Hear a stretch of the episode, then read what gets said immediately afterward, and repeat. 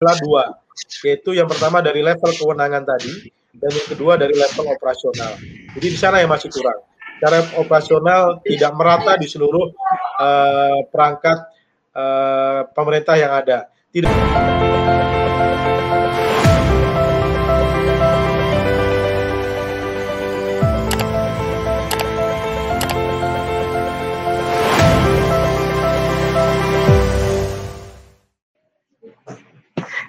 Bismillahirrahmanirrahim. Assalamualaikum warahmatullahi wabarakatuh. Selamat datang kembali di acara PKS Legislative Corner, membahas isu dari sudut pandang yang pas.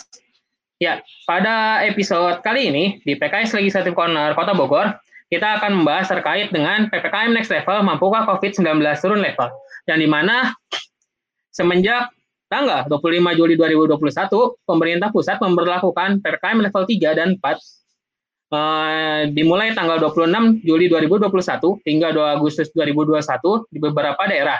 Dan Kota Bogor menjadi salah satu kota yang diberlakukannya PPKM level 4. Nah, sebenarnya ini seperti kelanjutannya gitu dari PPKM darurat dan sebenarnya apa apa sih yang istilahnya tuh nanti perbedaan antara PPKM darurat dengan PPKM level 4 dan juga apa saja yang mungkin menjadi permasalahan-permasalahan yang ditemukan di lapangan terkait selama PPKM sebulan ini, baik di PPKM darurat maupun di PPKM level 4 yang sedang kita rasakan bersama seperti itu. Dan kali ini kita akan kedatangan narasumber, yaitu Bapak Haji Atang Trisnanto, Eskut MSI,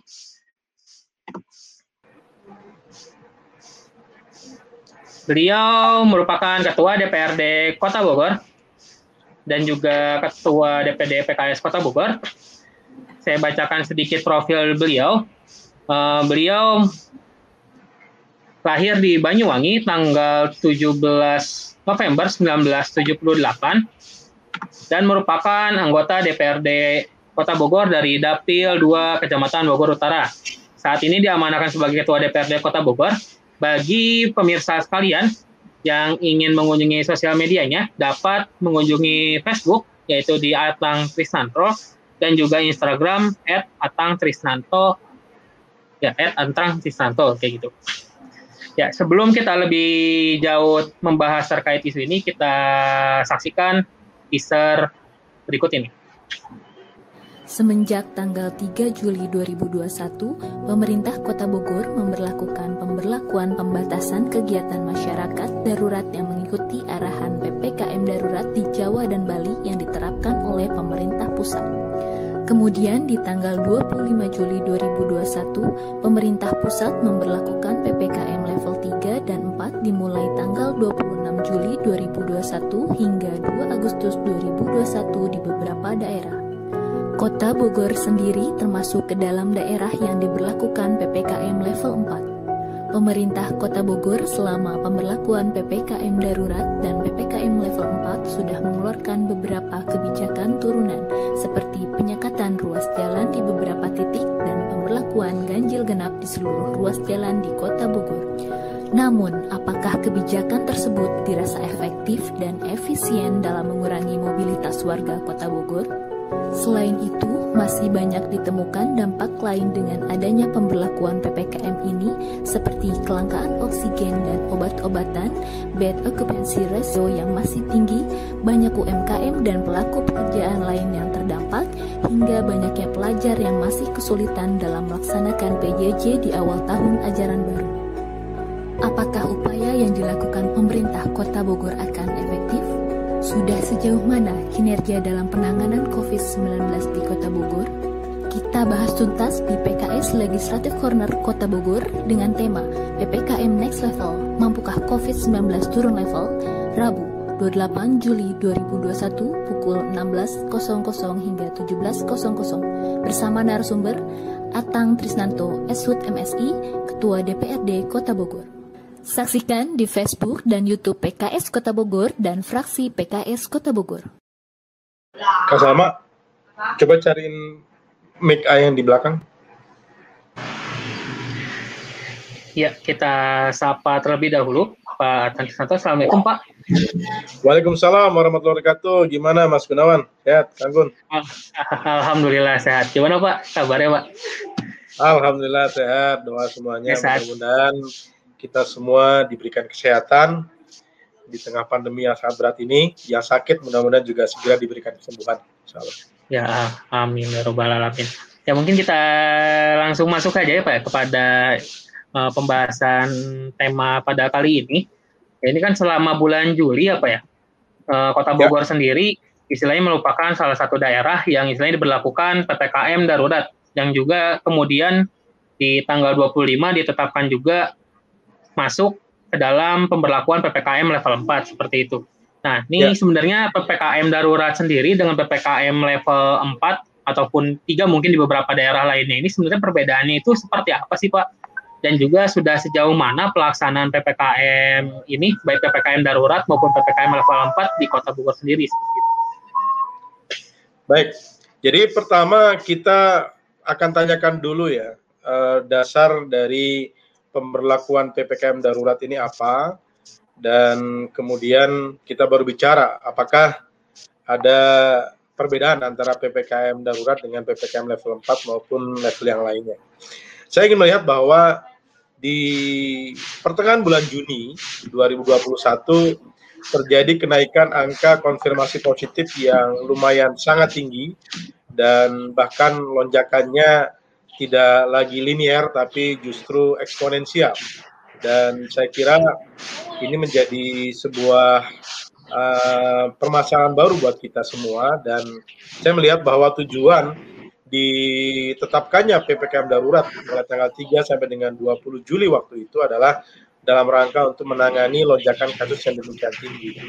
Namun uh, kita melihat bahwa penetapan PPKM darurat ini tidak disertai dengan kesiapan Nah, kesiapan instrumen maupun infrastruktur di lapangan yang memungkinkan pemberlakuan ppkm darurat untuk mengurangi kasus yang tadi naik secara secara sangat tinggi ini bisa berhasil dengan baik. Ya memang kita lihat ada terjadi penurunan sedikit ya. Misalkan di Kota Bogor pada saat sebelum PPKM darurat diberlakukan angka konfirmasi positif harian itu bisa mencapai angka 700-an dan bahkan sempat menembus angka 900. Dan setelah PPKM darurat terakhir kemarin di tanggal 20-an sudah trennya di angka 400-an. Tapi perlu diingat bahwa dengan pemberlakuan PPKM darurat yang menurut saya merupakan salah satu kebijakan yang mirip-mirip karantina wilayah tapi tidak serta uh, tidak total itu menyebabkan penurunan yang tidak signifikan namun akhirnya membuat pemerintah terus memperpanjang PPKM ini sehingga dampak ekonominya sedemikian besar. Seharusnya kalau misalkan pemerintah pusat dalam hal ini sebagai jenderal dan panglima tertinggi berani memperlakukan dua pekan full kita karantina kesehatan seperti bagaimana diatur dalam Undang-Undang Nomor 8 tahun 2016 kita insya Allah akan bisa melakukan penurunan angka COVID ini relatif lebih baik dibanding saat ini.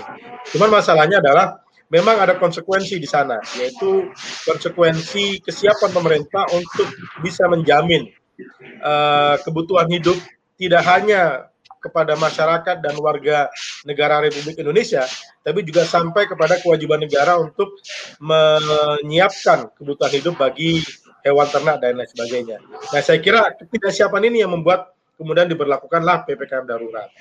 Nah, ketika kita beranjak dengan penurunan yang mungkin ada tapi tidak terlalu signifikan, uh, kita dihadapkan lagi hari ini pada PPKM level 4. Dan kalau dilihat dari aturannya sebenarnya antara PPKM darurat dengan PPKM level 4 tidak terlalu beda jauh.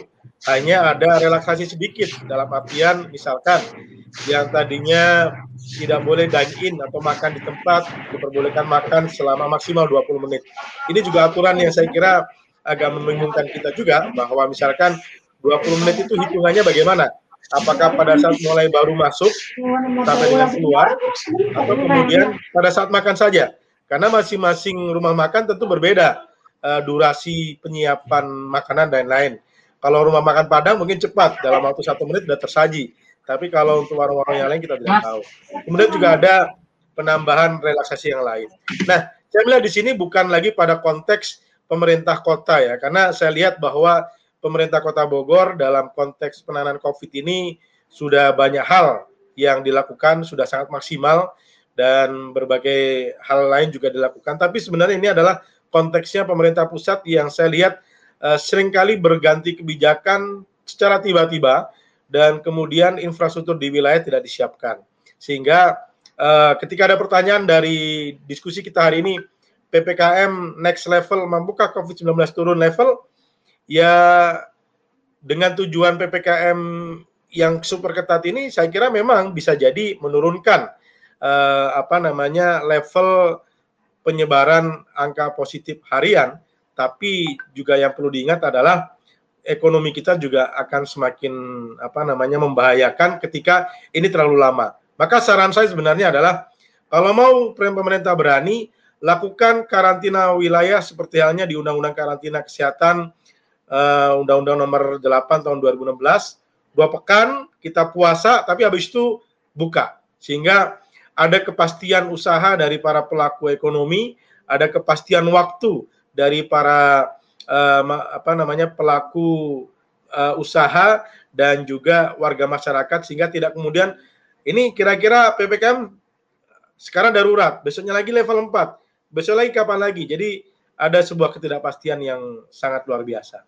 Mungkin gitu Kang Gunawan.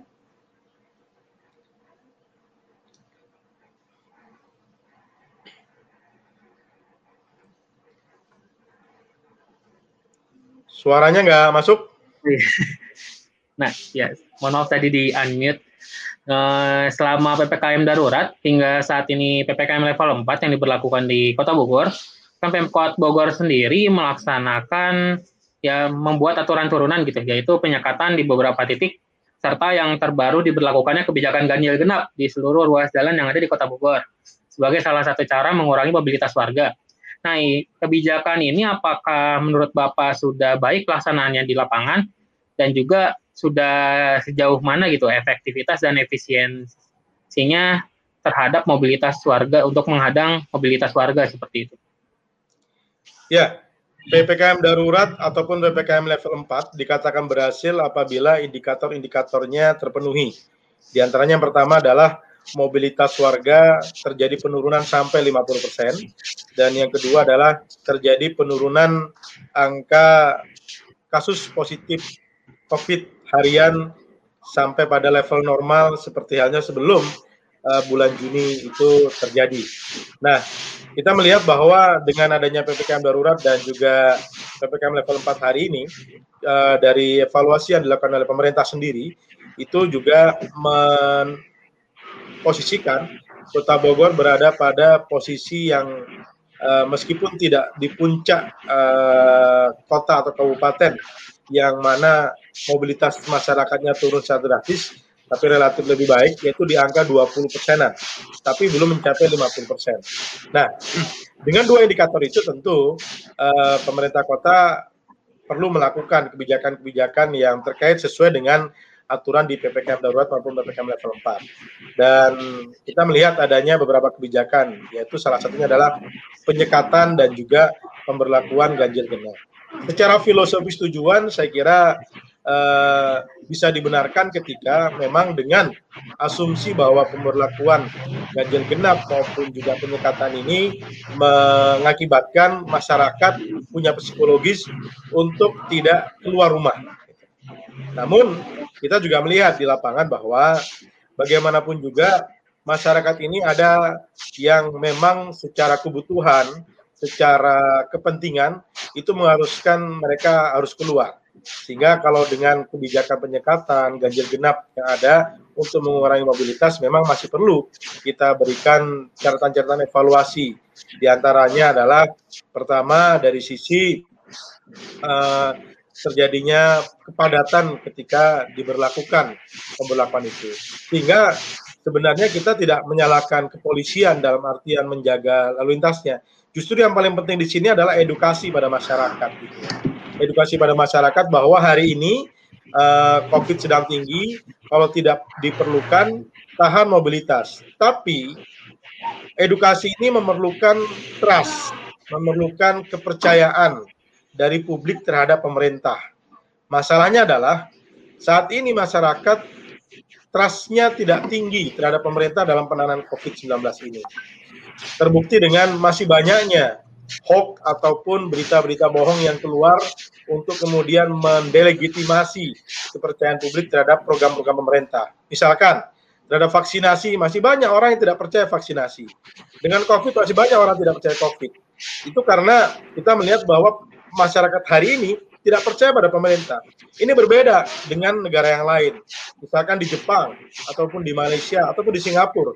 Ketika pemerintah mengatakan A, warga mempercayai itu. Warga punya trust kepada pemimpinnya. Nah, inilah saya kira juga yang perlu dibenarkan dan perlu dikoreksi kepada pemerintah hari ini, pemimpin hari ini, bangun trust kepada publik. Jangan sering berbohong. Karena kalau sering berbohong, akhirnya apa? Yang terjadi masyarakat tidak trust. Ketika masyarakat tidak trust mengakibatkan program-program yang kita lakukan akan terus mengalami kegagalan demi kegagalan. Nah, untuk itu uh, saya kasihan kalau seandainya trust ini tidak terbangun, maka TNI Polri yang juga sudah berjibaku di lapangan dan sudah luar biasa apalagi tenaga kesehatan kita sudah luar biasa tidak apa namanya dipimpin dalam dirijen irama yang kuat sehingga mengakibatkan COVID tetap tinggi, ekonomi jadi bermasalah. Jadi saran saya adalah uh, pertama untuk ganjil genap di Kota Bogor juga penyekatan di Kota Bogor ini dilihat secara situasional di lapangan apabila justru menimbulkan kerumunan ya lebih baik untuk kemudian dilonggarkan terutama kepada saudara-saudara kita yang memang memerlukan uh, mobilitas karena faktor urgensi vitas maupun faktor esensial dan juga kritikal. Nah, yang kedua infrastrukturnya juga harus di, diperkuat yaitu dengan cara apa? Dengan cara sosialisasi dan edukasi yang lebih tinggi pada masyarakat. Namun sekali lagi, semua hal yang dilakukan oleh pemerintah kota tidak akan ada artinya kalau pemerintah pusat hari ini uh, tidak konsisten dan tidak jelas dalam menangani COVID ini ke depan seperti apa, termasuk kelangkaan oksigen yang sudah beberapa minggu terjadi kan harusnya hari-hari ini sudah mulai selesai. Kelangkaan obat yang dicari oleh para uh, keluarga pasien COVID juga harusnya sudah selesai. Dan bahkan Presiden sendiri mencari obat di apotek yang ada di Kota Bogor tidak ada. Padahal ini kan sudah terjadi dari bulan Juni yang lalu. Ini saya kira jangan sampailah kita berlelucon sesuatu yang tidak perlu, kita justru harus menampilkan solusi yang lebih baik lagi. Kasihan masyarakat, COVID-nya tinggi, tapi terus diperlama PPKM-nya, sehingga masalah ekonomi juga akan berat. Solusi terakhirnya, pastikan kebijakan yang ketat, kasih BLT untuk masyarakat, penuhi kebutuhan masyarakat agar mereka tidak keluar, dan cukup dengan dua minggu atau tiga minggu setelah itu kita bisa lebih baik lagi. Ya. Terima kasih banyak Bapak atas jawabannya terkait dengan PPKM darurat hingga PPKM level 4 serta aturan turunannya. Untuk terkait pertanyaan-pertanyaan yang lebih detail nantinya terkait isu-isu yang lainnya, eh, kita lanjutkan setelah komersial break berikut ini.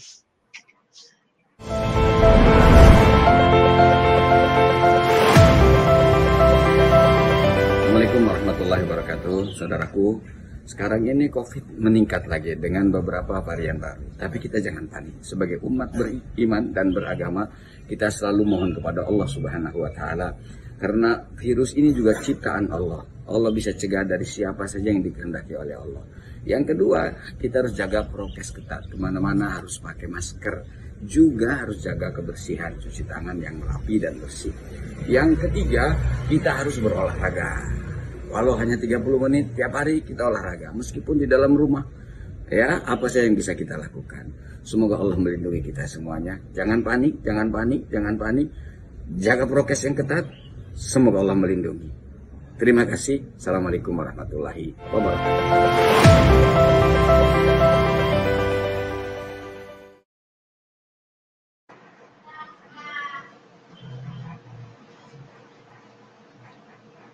Corner Kota Bogor membahas isu dari sudut pandang yang pas.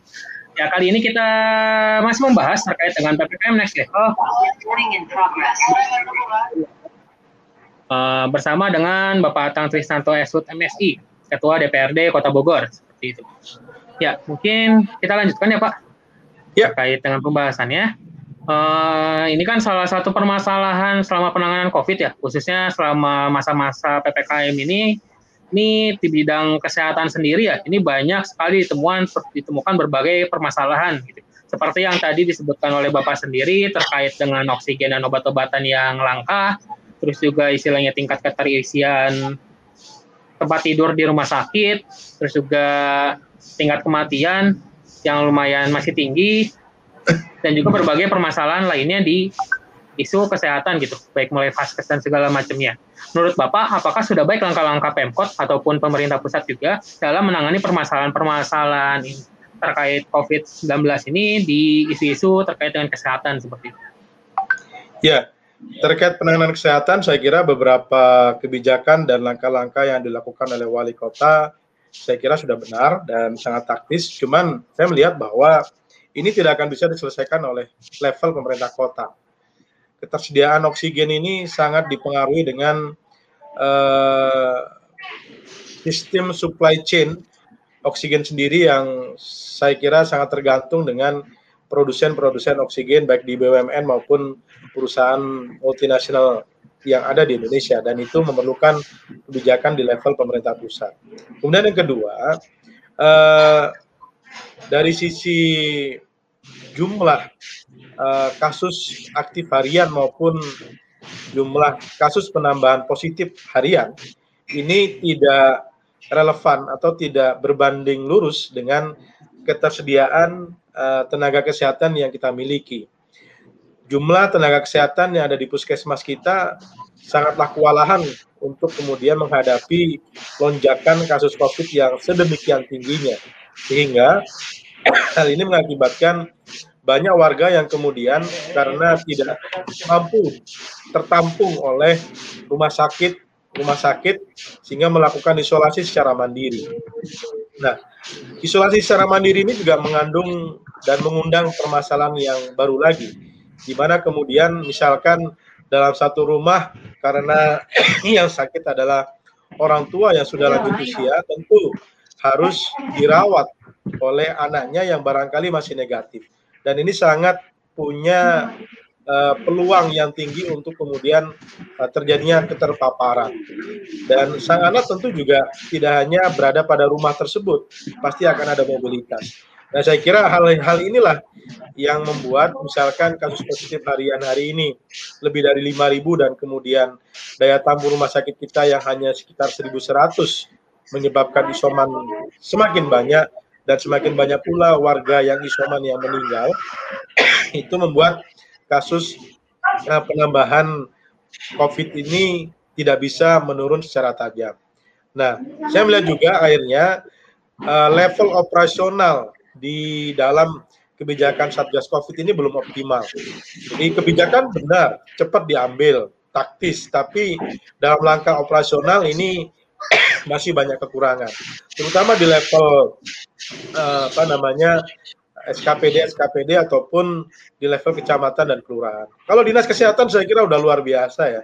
Mereka harus di apa namanya tuntut melaksanakan vaksinasi percepatan mereka lakukan. Mereka membina puskesmas, puskesmas, puskesmas juga sudah lakukan. Namun saya kira kan sebenarnya uh, masalah COVID ini tidak harus dan tidak hanya uh, ditangani oleh Dinkes semata, ditangani oleh nakes-nakes kita yang lain, tapi juga sebenarnya banyak hal, banyak SDM kita yang harusnya bisa di BKO kan. Ibarat perang, hari ini yang bisa masuk uh, berperang itu jangan hanya uh, pasukan yang terkait, tapi semua resources semua sumber daya harus bisa di PKO kan di sana. Nah, saya melihat bahwa dari evaluasi itu, secara taktis dan uh, kebijakan-kebijakan yang dikeluarkan itu sudah sangat relevan dan menjawab masalah-masalah yang ada. Tapi permasalahannya adalah dua, yaitu yang pertama dari level kewenangan tadi, dan yang kedua dari level operasional. Jadi di sana yang masih kurang. Cara operasional tidak merata di seluruh uh, perangkat uh, pemerintah yang ada. Tidak semua uh, pegawai di kecamatan maupun kelurahan memiliki semangat dan pemahaman yang sama. Nah, sementara tadi yang paling penting lagi adalah di level kewenangan. Hal yang terkait dengan oksigen, ketersediaan uh, rumah sakit, ketersediaan obat, ketersediaan tenaga kesehatan, nggak bisa diselesaikan dalam level pemerintah kota atau provinsi. Pusat harus turun tangan. Seharusnya bisa ada mobilisasi, misalkan mobilisasi untuk tenaga kesehatan yang mana di wilayah-wilayah Indonesia ini yang saya kira masih memungkinkan uh, secara loading kerjanya tidak tinggi bisa diperbantukan kepada wilayah-wilayah Jabodat Jabodetabek ataupun wilayah-wilayah metropolitan yang lain. Dan termasuk juga oksigen. Bagaimana misalnya pemerintah harusnya membuat kebijakan uh, alihkan semua kebutuhan oksigen hari ini kepada kesehatan. Untuk industri misalkan dikurangi sekian persen. Ataupun kalau yang memang masih kurang dan masih perlu untuk industri harus ada impor yang dilakukan. Jangan sampai begini, kita mengimpor sesuatu yang sebenarnya tidak dibutuhkan, tapi justru tidak mengimpor sesuatu yang sangat dibutuhkan oleh rakyat. Yang kedua, vaksinasi. Vaksinasi ini juga kita akui percepatannya luar biasa. Di Kota Bogor sendiri sehari ini sudah mencapai 30% dari target 800 ribu orang. Namun, masih banyak juga warga yang kita temukan oleh DPRD tidak mau divaksinasi. Kenapa? Karena ketidakpercayaan mereka terhadap vaksin yang ada saat ini beredar di, di masyarakat. Jadi pemerintah juga harus mulai mencoba untuk tidak hanya berpatokan atau tidak hanya mengandalkan satu jenis vaksin saja. Kalau seandainya masyarakat membutuhkan trust yang lebih tinggi lagi, datangkan juga vaksin-vaksin yang memang lebih dipercaya oleh masyarakat sehingga vaksinasi ini akan semakin cepat untuk kemudian diperbanyak dan dilakukan semuanya. Jadi sekali lagi uh, penanganan COVID ini jangan hanya berganti istilah dari PSBB menjadi PPKM, menjadi PPKM mikro, menjadi PPKM darurat, menjadi PPKM level 4 dan uh, tidak terlihat ada satu komando yang jelas dari pemerintah pusat. Kalau mau karantina kesehatan lakukan secara kuat karena pemerintah pusat punya seluruh resource yang ada, insya Allah pemerintah daerah akan mengikuti dan mudah-mudahan COVID ini bisa tertangani dengan baik sehingga ekonomi kita juga tidak semakin berkepanjangan uh, mengalami kontraksi dan masalah yang luar biasa sehingga masyarakat tidak hanya masalah Covid yang dihadapi, yang dihadapi juga adalah masalah kesulitan untuk mencukupi kebutuhan dan ini kalau dibiarkan akan bermasalah. Hari ini krisis kesehatan, maka yang kedua yang bisa terjadi adalah krisis ekonomi dan yang kita khawatirkan akan terjadi krisis sosial dan terakhir adalah krisis politik dan tentu kita tidak ingin dan tidak berharap itu terjadi. Nah, terima kasih banyak Bapak atas jawaban ya terkait dengan ini ya. Tadi saya catat ya PPKM dan istilah lain-lain ini hanya jangan hanya sekedar nama gitu, tapi emang harus ada langkah konkretnya seperti itu. Dan juga ini sebenarnya kan selama PPKM ini juga ya Pak, mungkin sebenarnya selama pandemi COVID kan terutama mungkin apa namanya selama ppkm ini mungkin agak lebih parah gitu ya terkait istilahnya di bidang ekonomi gini uh, berbagai sektor pekerjaan dan juga mata pencarian warga ini kan terkena dampak ya gitu ya. akibatnya kan uh, warga istilahnya secara pendapatan berkurang dan juga mungkin mulai kesulitan istilahnya mencari uang dan segala macamnya baik dari pelaku UMKM, angkutan daring, ojol dan segala macamnya. Nah ini bagaimana catatan Bapak terkait dengan isu-isu ekonomi ini gitu selama PPKM? Ya, kita ini mengalami pandemi sudah sangat lama, sudah satu tahun setengah ya dari mulai Maret 2020 hingga bulan Juli dan menjelang Agustus 2021. Tentu sebenarnya pengalaman yang sudah satu setengah tahun ini seharusnya bisa mulai mendidik dan melatih kita semua untuk kemudian tanggap terhadap berbagai hal kemungkinan yang terjadi. Dan masalah kesehatan dan masalah ekonomi ini tidak bisa dikerjakan secara bersamaan. Karena kalau dikerjakan secara bersamaan, nanti akan melahirkan satu hal yang tidak akan maksimal di dua-duanya. Karena ini adalah sesuatu yang paradoksial. Uh, kenapa saya bilang paradoksial? Ketika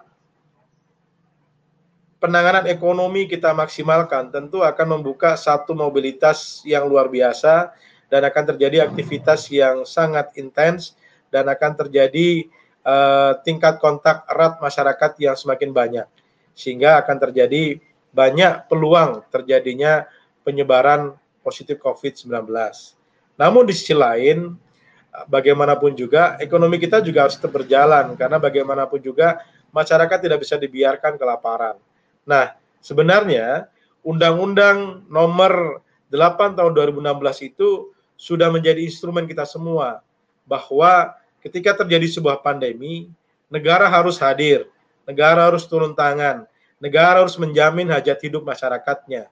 Dengan cara apa? Yaitu dengan melakukan karantina seperti hanya yang Rasulullah juga sampaikan ketika terjadi wabah suatu penyakit di suatu wilayah, jangan datangi wilayah itu.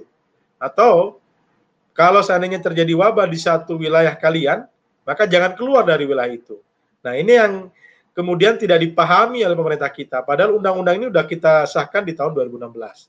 Kenapa saya katakan tidak difahami? Yang terjadi adalah di awal-awal pandemi harusnya kita sudah harus langsung melakukan karantina, tapi yang terjadi adalah kita masih membuka pintu uh, internasional kita.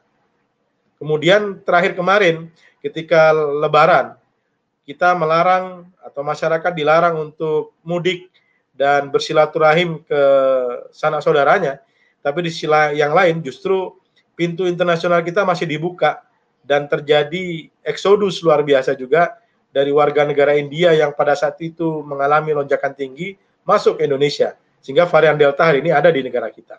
Jadi jadi jangan salahkan warga yang kemudian mudik pada hari kemarin, tapi yang harusnya disalahkan adalah kenapa pintu internasional kita masih memungkinkan warga negara suatu negara yang sedang tinggi-tingginya lonjakan kasus Covid ini bisa masuk ke Indonesia.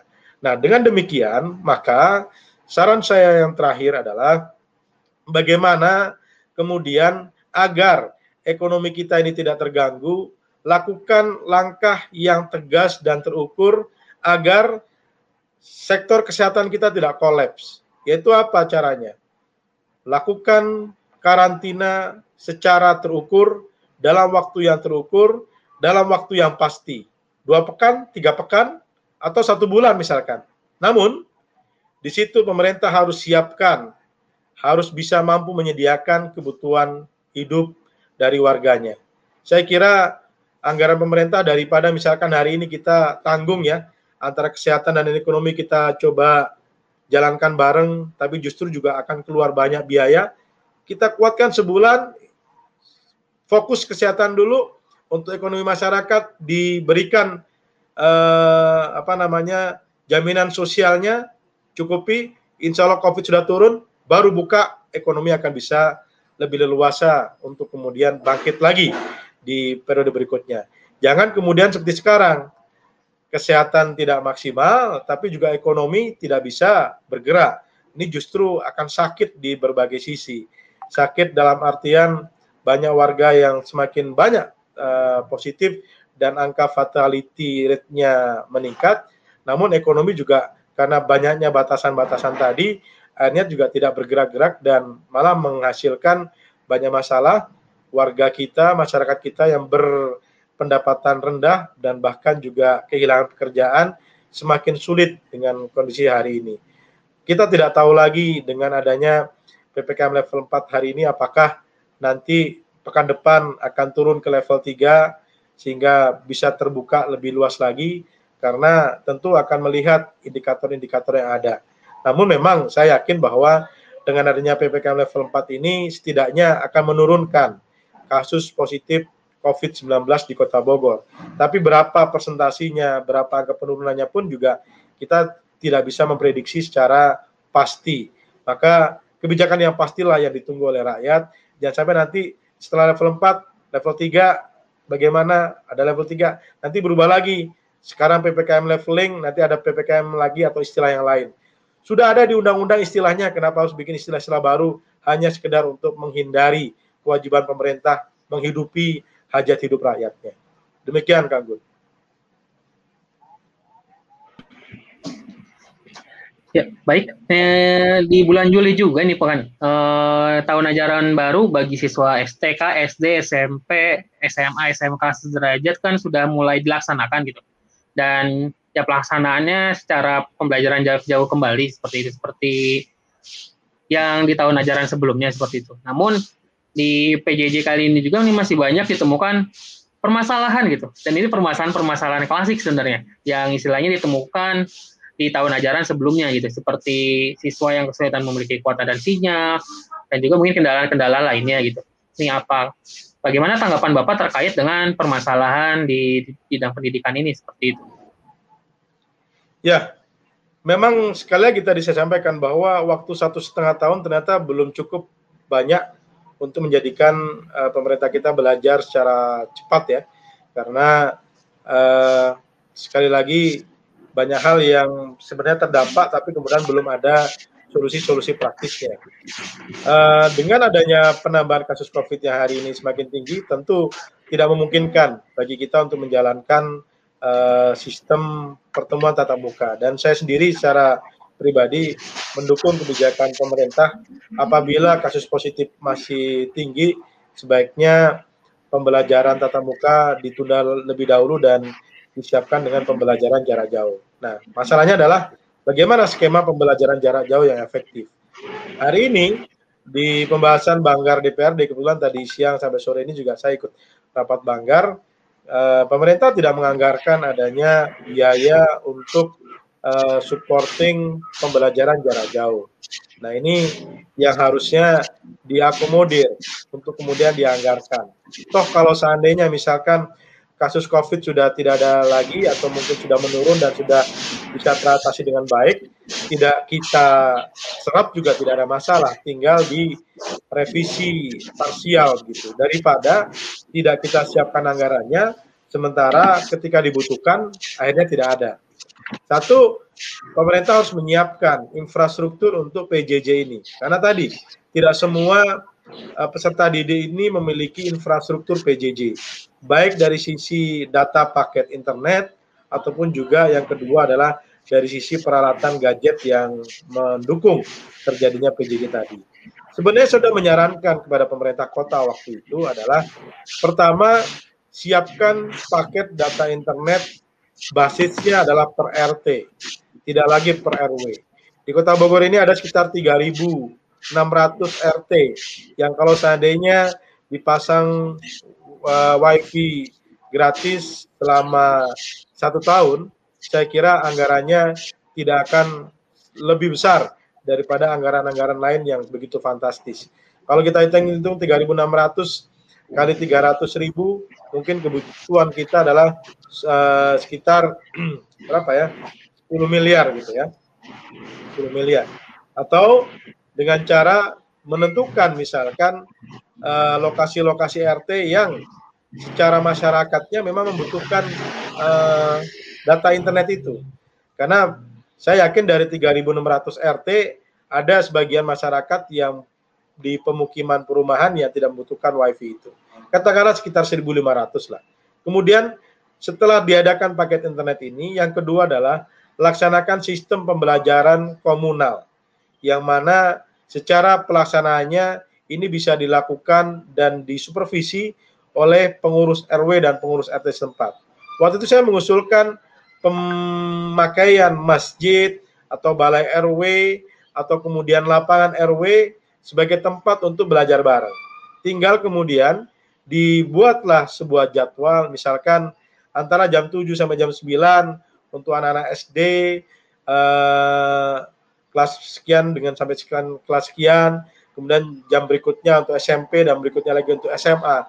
Dikumpulkan aja anak-anak di situ yang memiliki usia pendidikan yang sama dengan broadcast yang ketat dan kemudian belajar bareng di sana eh, menerima apa namanya uh, pembelajaran jarak jauh dari eh, guru-guru yang ada sesuai dengan levelnya sehingga keperluan untuk gadget ini tidak harus per anak satu orang. Nah, dari sana setelah selesai pembelajaran, mereka bisa melanjutkan. Misalkan kalau tempatnya adalah di aula masjid atau di misalkan selasar masjid dan lain-lain, ditambah uh, belajar mengaji dan lain sebagainya. Sehingga pendidikan kita tidak loss dalam konteks uh, selama musim pandemi ini. Kita tidak takut kehilangan generasi kita karena uh, sistem pandemi ini telah mengakibatkan sekolah tidak berjalan. Jadi beberapa hal bisa dilakukan. Ditambah lagi mungkin juga perlu ada satu assessment dari 68 kelurahan, dari 800 RW, dan dari 3.600 RT di Kota Bogor yang sekiranya uh, memungkinkan untuk uh, zona yang masih hijau atau zona yang masih biru, katakanlah misalkan di wilayah-wilayah yang pedesaan, yang bisa melakukan pembelajaran tatap muka, silakan dilakukan itu. Saya kira kalau itu dilakukan, mudah-mudahan ada solusi jalan tengah yang bisa memaksimalkan pendidikan kita tetap berjalan di tengah situasi pandemi yang kita tidak tahu sampai kapan ini berakhir. Sehingga ikhtiar-ikhtiar maksimal kita bisa kita lakukan sebagai salah satu bentuk kita untuk beradaptasi dengan pandemi yang sedang kita lalui dan sudah berjalan selama lebih kurang satu setengah tahun. Mudah-mudahan generasi kita tidaklah terlalu lama untuk kemudian kehilangan bangku sekolahnya. Karena ini sudah kita hitung satu setengah tahun berarti selama satu kelas uh, mereka menempuh pendidikan itu sudah tidak pernah bertemu. Kebayang kalau seandainya ini mudah-mudahan tidak terjadi ya. Misalkan tiga tahun mereka masuk SMP, keluar SMA, mereka tidak pernah ke sekolah. Mudah-mudahan tidak terjadi demikian. Ya kita sih berharap dan optimis bahwa pandemi COVID ini bisa segera kita lalui. Di Eropa juga sudah mulai uh, apa namanya tertangani dengan baik. Di beberapa negara juga tertangani dengan baik. Singapura juga bahkan mengatakan bahwa COVID ini sudah seperti penyakit yang lain yang bisa terkontrol dengan baik. Mudah-mudahan dengan vaksinasi yang cepat, vaksinasi yang memang dipercaya oleh masyarakat, dan kemudian pelaksanaan prokes yang baik, kita juga akan bisa mendapatkan suatu masa yang sudah ter apa namanya terbebas dari pandemi yang sangat berat ini. Demikian, kami. Ya baik, uh, terima kasih Bapak atas jawabannya. Ini bagi pemirsa sekalian yang menyaksikan via YouTube maupun Facebook, bagi jika ada ingin pertanyaan ataupun ada masukan, saran atau temuan dan aspirasi terkait dengan isu yang dibahas, dapat disampaikan langsung melalui kolom chat. Seperti itu. Dan mungkin ini sudah ada beberapa pertanyaan yang muncul, mungkin operator bisa menampilkan.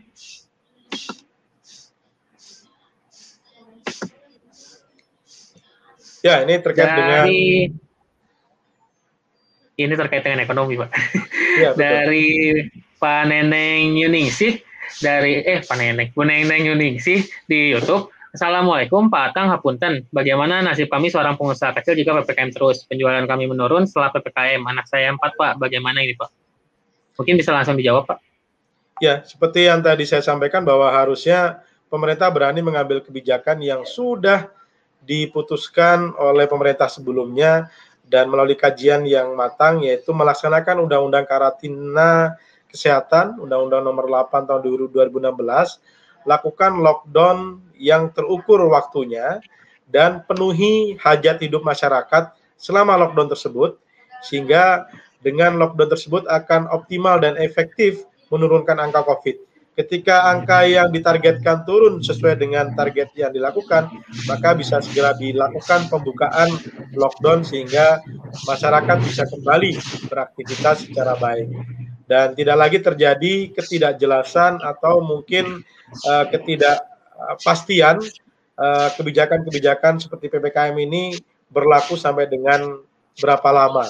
Karena kalau yang tadi saya bilang tidak ada kepastian dan tidak ada kejelasan, antara kesehatan dan ekonomi coba dikompromikan, maka kita tidak tahu apakah dengan PPKM ini bisa menurunkan angka sesuai dengan target atau tidak. Buktinya yang tadinya kita harapkan dengan adanya PPKM darurat setelah tanggal 20 Agustus bisa turun kembali normal di angka sebelumnya juga belum uh, tercapai. Dan hari ini dicoba lagi dengan PPKM level 4. Kita tidak tahu apakah angkanya akan turun sesuai target atau tidak. Kalau turun sih saya yakin akan terjadi penurunan. Ini adalah bagian dari ikhtiar. Tapi angkanya berapa kita tidak bisa pastikan. Nah, ketika angkanya tidak bisa kita pastikan, kita tidak tahu apakah memenuhi syarat untuk menurunkan levelnya. Nah, karena dengan ketidakpastian tadi justru ini akan semakin menyulitkan masyarakat kita terutama yang bekerja di luar rumah dan harus berusaha tanpa bantuan pemerintah, mereka tidak pernah meminta bantuan pemerintah, modal juga modal sendiri, kemudian juga nyari bahan baku juga nyari bahan baku sendiri, nyari pembeli juga nyari sendiri, tidak pernah bergantung sama pemerintah, kasihan. Jadi sekali lagi keberanian dan ketegasan pemimpin level nasional hari ini sedang diuji. Ya, terima kasih banyak Bapak. Ini ada pertanyaan kembali. Mungkin operator bisa menampilkan. Dari Teh Aisyah Jihan di YouTube, Pak boleh bertanya dong, berdasarkan pengalaman tes PCR di Puskesmas, kok lama sekali ya, sudah dua pekan tidak keluar juga, kendalanya apa? Sus suspek sudah keburu sembuh atau mungkin sudah meninggal. Mungkin ada temuan di lapangan nih Pak, terkait okay. dengan tes PCR. Ya, terima kasih Teh Aisyah. Saya kira ini temuan yang sangat uh, penting untuk kemudian kami tindak lanjuti.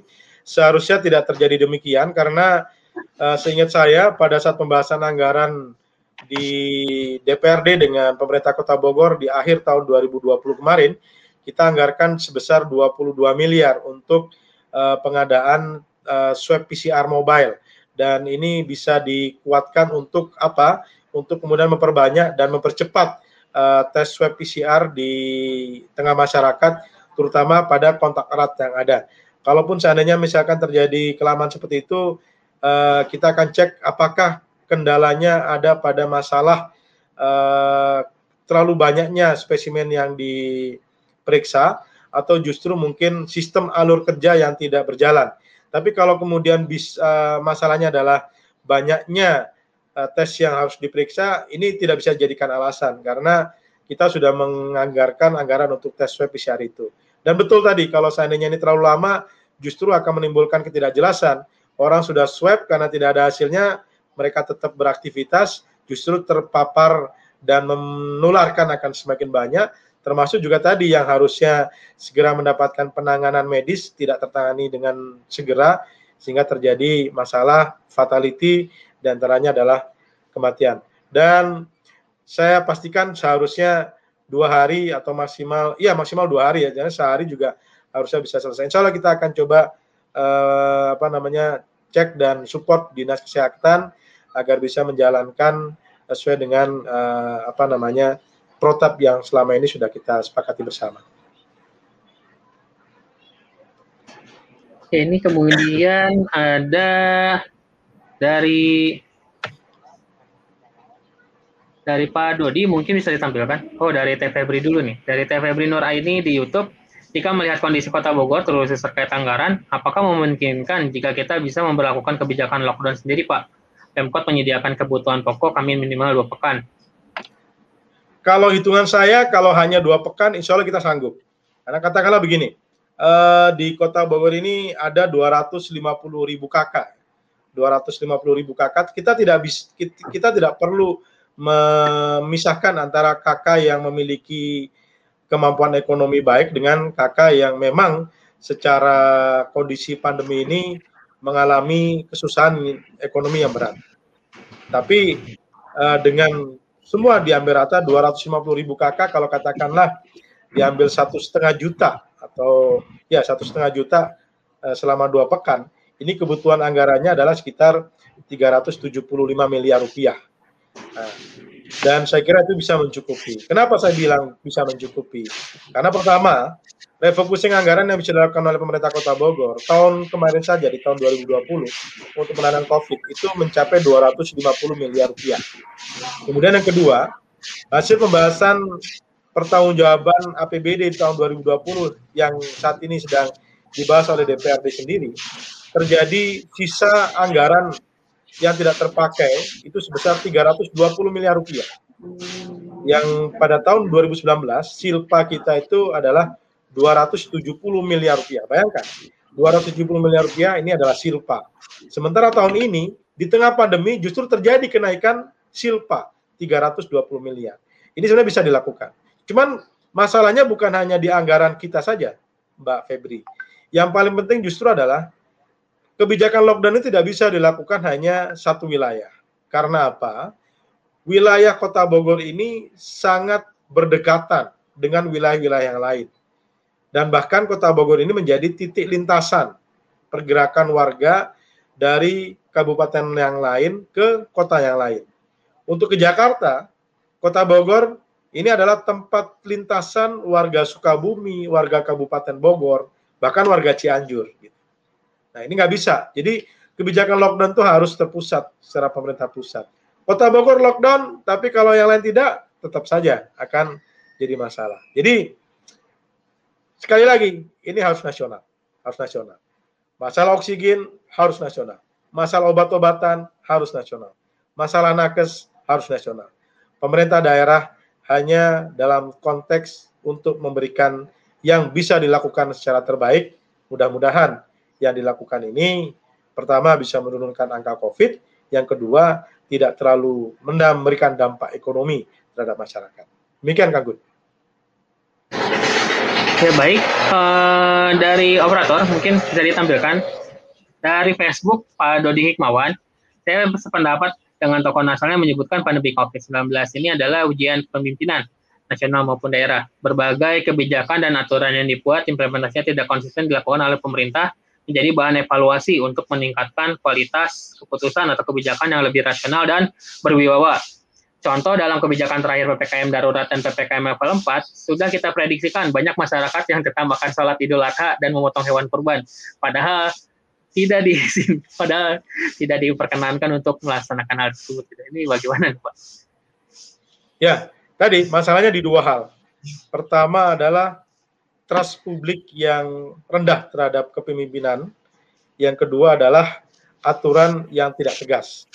Jadi kalau aturan yang tidak tegas dalam artian PPKM, jadi PPKM mikro, jadi PPKM darurat, jadi PPKM level 4 yang mana misalkan sebuah kebijakan masih ada peluang-peluang atau lubang-lubang yang uh, bisa dimasuki, maka tidak akan optimal.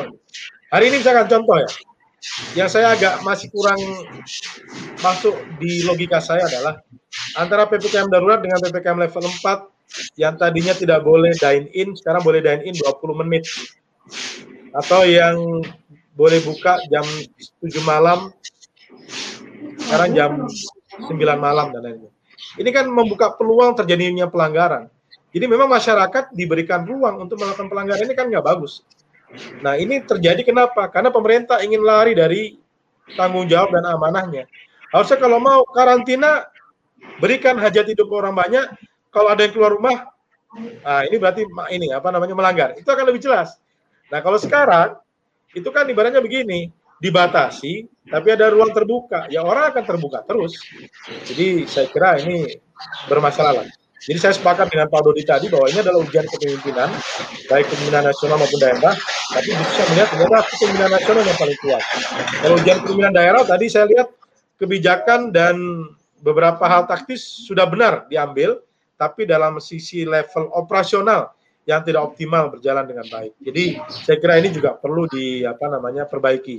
Dan terkait dengan kebijakan ganjil genap yang memang tujuannya baik untuk membuat psikologis masyarakat tidak keluar, tapi pada faktanya ternyata masih banyak masalah, justru menimbulkan kerumunan dan lain sebagainya. Ya saya kira perlu ada evaluasi secara berkala, secara rutin uh, harus diperbarui dan diperbaiki dengan kebijakan yang lain. Saya kira itu yang paling penting adalah bagaimana uh, kesehatan ini sekarang jadi utama dulu, pemerintah uh, ambil peran, kemudian pastikan hajat hidup orang banyaknya terpenuhi dengan baik, baru kita bisa bicara dilonggarkan setelahnya. Jadi tidak lagi nanti ada PPKM level 4, level 3, level 2, level 1, habis itu berubah lagi apa namanya istilahnya Kang Gunawan. Nggak tahu apakah ppkm makro gitu ya apakah apa ya itu kan tergantung pemerintah maunya mau menjela, mengasih nama apa. Karena dari catatan saya nih yang seingat saya dari tahun 2020 yang tadinya kita harapkan ada namanya lockdown atau karantina pemerintah turun tangan memberikan hajat hidupnya ternyata tidak. Uh, kita istilahnya kenal PSBB ada PSBB transisi. Ada PSBB adaptasi kebiasaan baru. Kemudian berubah menjadi PPKM. Setelah PPKM ada PPKM mikro. Setelah ada PPKM mikro ada PPKM darurat. Setelah PPKM darurat sekarang ada PPKM leveling. Nah, nggak tahu nanti istilah apa lagi. Tapi jangan sampai dengan apa namanya ketidakjelasan ini menjadikan semuanya serba tidak jelas. Tidak jelas buat kesehatan, tidak jelas juga buat ekonomi kita. Kasihan para tenaga kesehatan kita yang sudah berada di garda terdepan. Kita harus support mereka. Kasihan, mereka sudah satu setengah tahun berjuang luar biasa, meninggalkan keluarganya dengan taruhan yang begitu besar. Pulang ke rumah juga membuat mereka tidak tenang menghadapi COVID ini.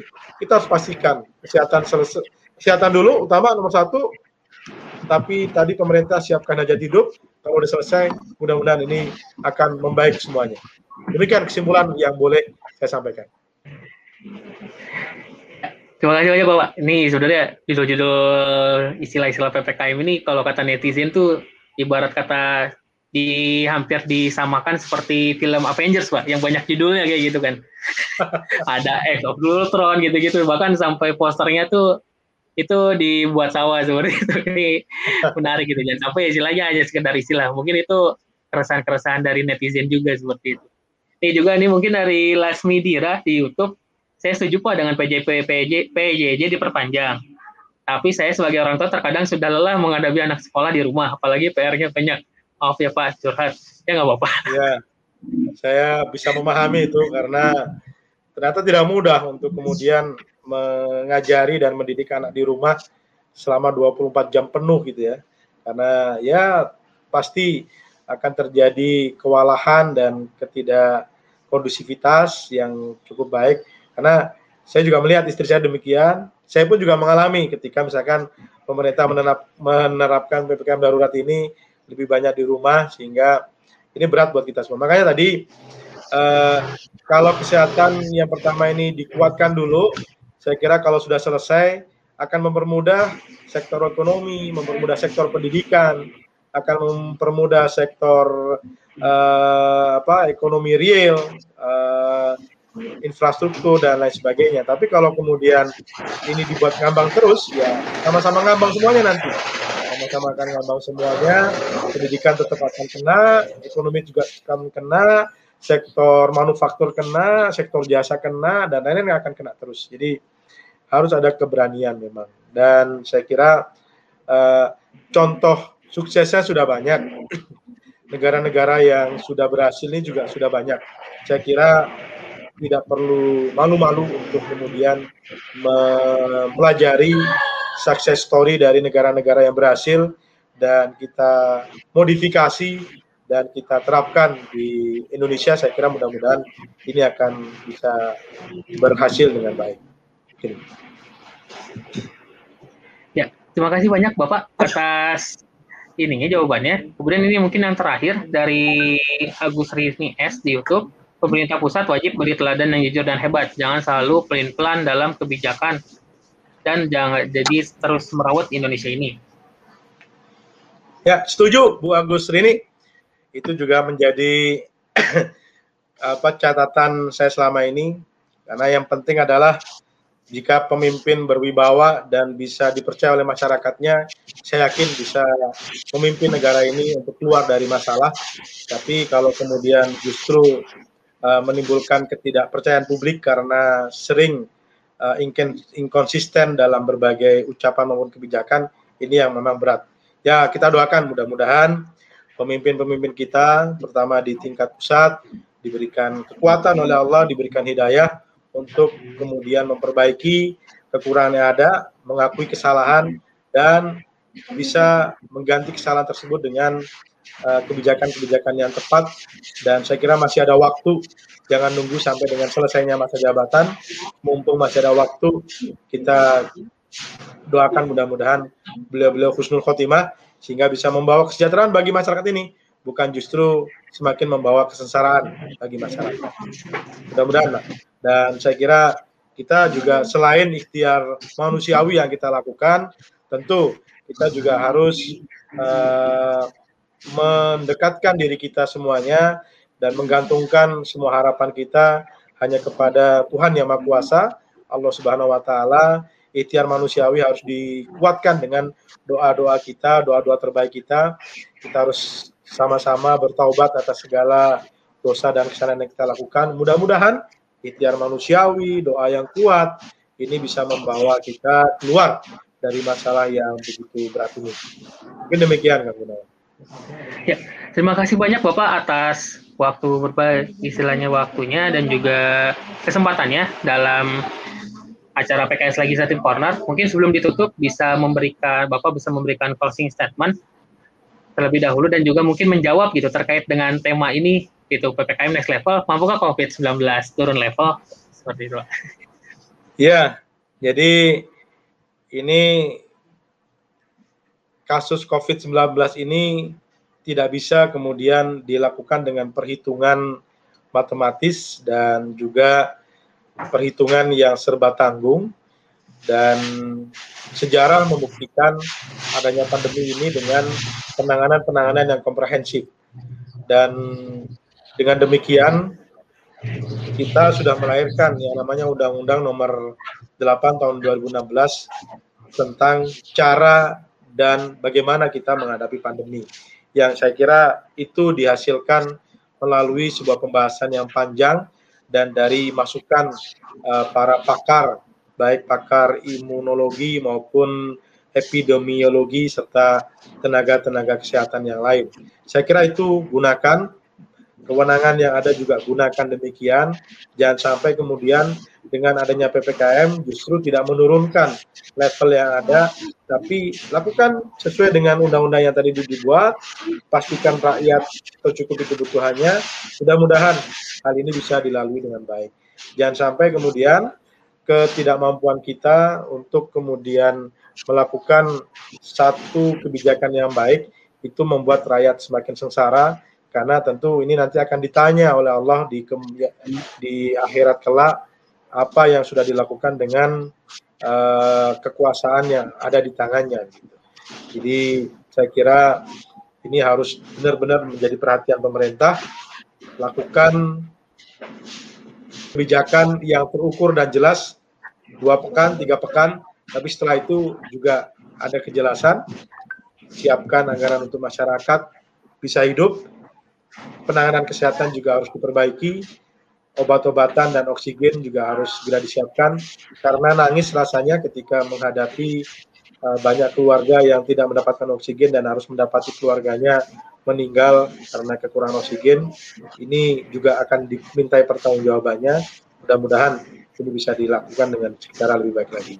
Dan saya berharap tidak lagi ada istilah-istilah yang aneh-aneh lagi. Gunakan saja dengan istilah yang sudah ada di Undang-Undang Karantina Kesehatan. Mudah-mudahan ini adalah menghasilkan yang terbaik.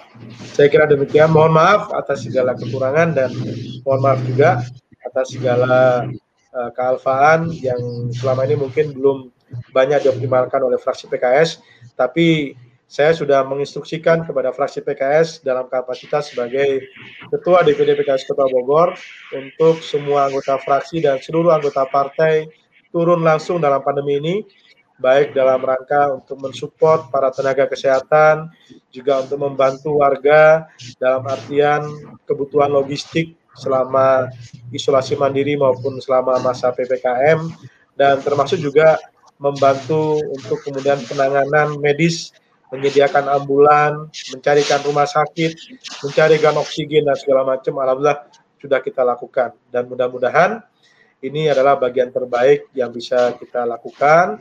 Saya mendoakan para tenaga kesehatan kita senantiasa diberikan kekuatan dan kesehatan oleh Allah Subhanahu wa taala. Terima kasih yang sebesar-besarnya telah berada di garda terdepan membela kami warga Kota Bogor, melayani kami warga Kota Bogor.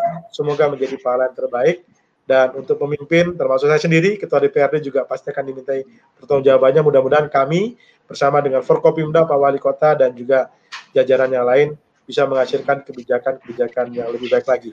Dan uh, pemerintah pusat juga bisa menghasilkan kebijakan yang tepat, karena kebijakan PPKM ini adalah kebijakan pemerintah pusat. Daerah hanya bisa melaksanakan. Mudah-mudahan terbuka semua mata dan hatinya. Itu saja mungkin yang bisa saya sampaikan. Mohon maaf sekali lagi kalau ada kalimat-kalimat yang tidak pas dan uh, apa menyinggung ya, menyinggung Kang Gunawan atau menyinggung yang lain. Tidak ada maksud selain mudah-mudahan ada langkah-langkah terbaik buat kita semua. Terakhir, doa sama Allah. Terima kasih. Assalamualaikum warahmatullahi wabarakatuh. Waalaikumsalam warahmatullahi wabarakatuh. Ya terima kasih banyak kepada Bapak Adang Trisanto yang telah menyempatkan waktunya untuk berbagi bersama kita di acara PKS Legislative Corner Kota Bogor membahas isu dari sudut pandang yang pas dan juga terima kasih banyak kepada warga Kota Bogor, pemirsa sekalian di mana pun Anda berada, baik yang menyaksikan via YouTube maupun Facebook dari fraksi PKS Kota Bogor maupun dari PKS Kota Bogor. Uh, tetap jaga 5M dan jangan lupa jikalau misalnya pemirsa sekalian telat tadi datangnya atau misalnya telat menyaksikan acara ini dapat menyaksikan ulang di playlist PKS Legislative Corner di PKS TV Kota Bogor ataupun bagi penggemar podcast yang suka mendengarkan di Spotify dapat mendengarkan di channel fraksi PKS DPRD Kota Bogor seperti itu. Di sana akan ada episode-episode PKS Legislative Corner sebelumnya. Sekian dari kami, kurang lebihnya mohon maaf. Kami dari Panitia PKS Legislative Corner mohon undur diri. Sekian, wassalamualaikum warahmatullahi wabarakatuh. Waalaikumsalam warahmatullahi wabarakatuh. Sehat selalu, Kang Gun. Sehat. wujudkan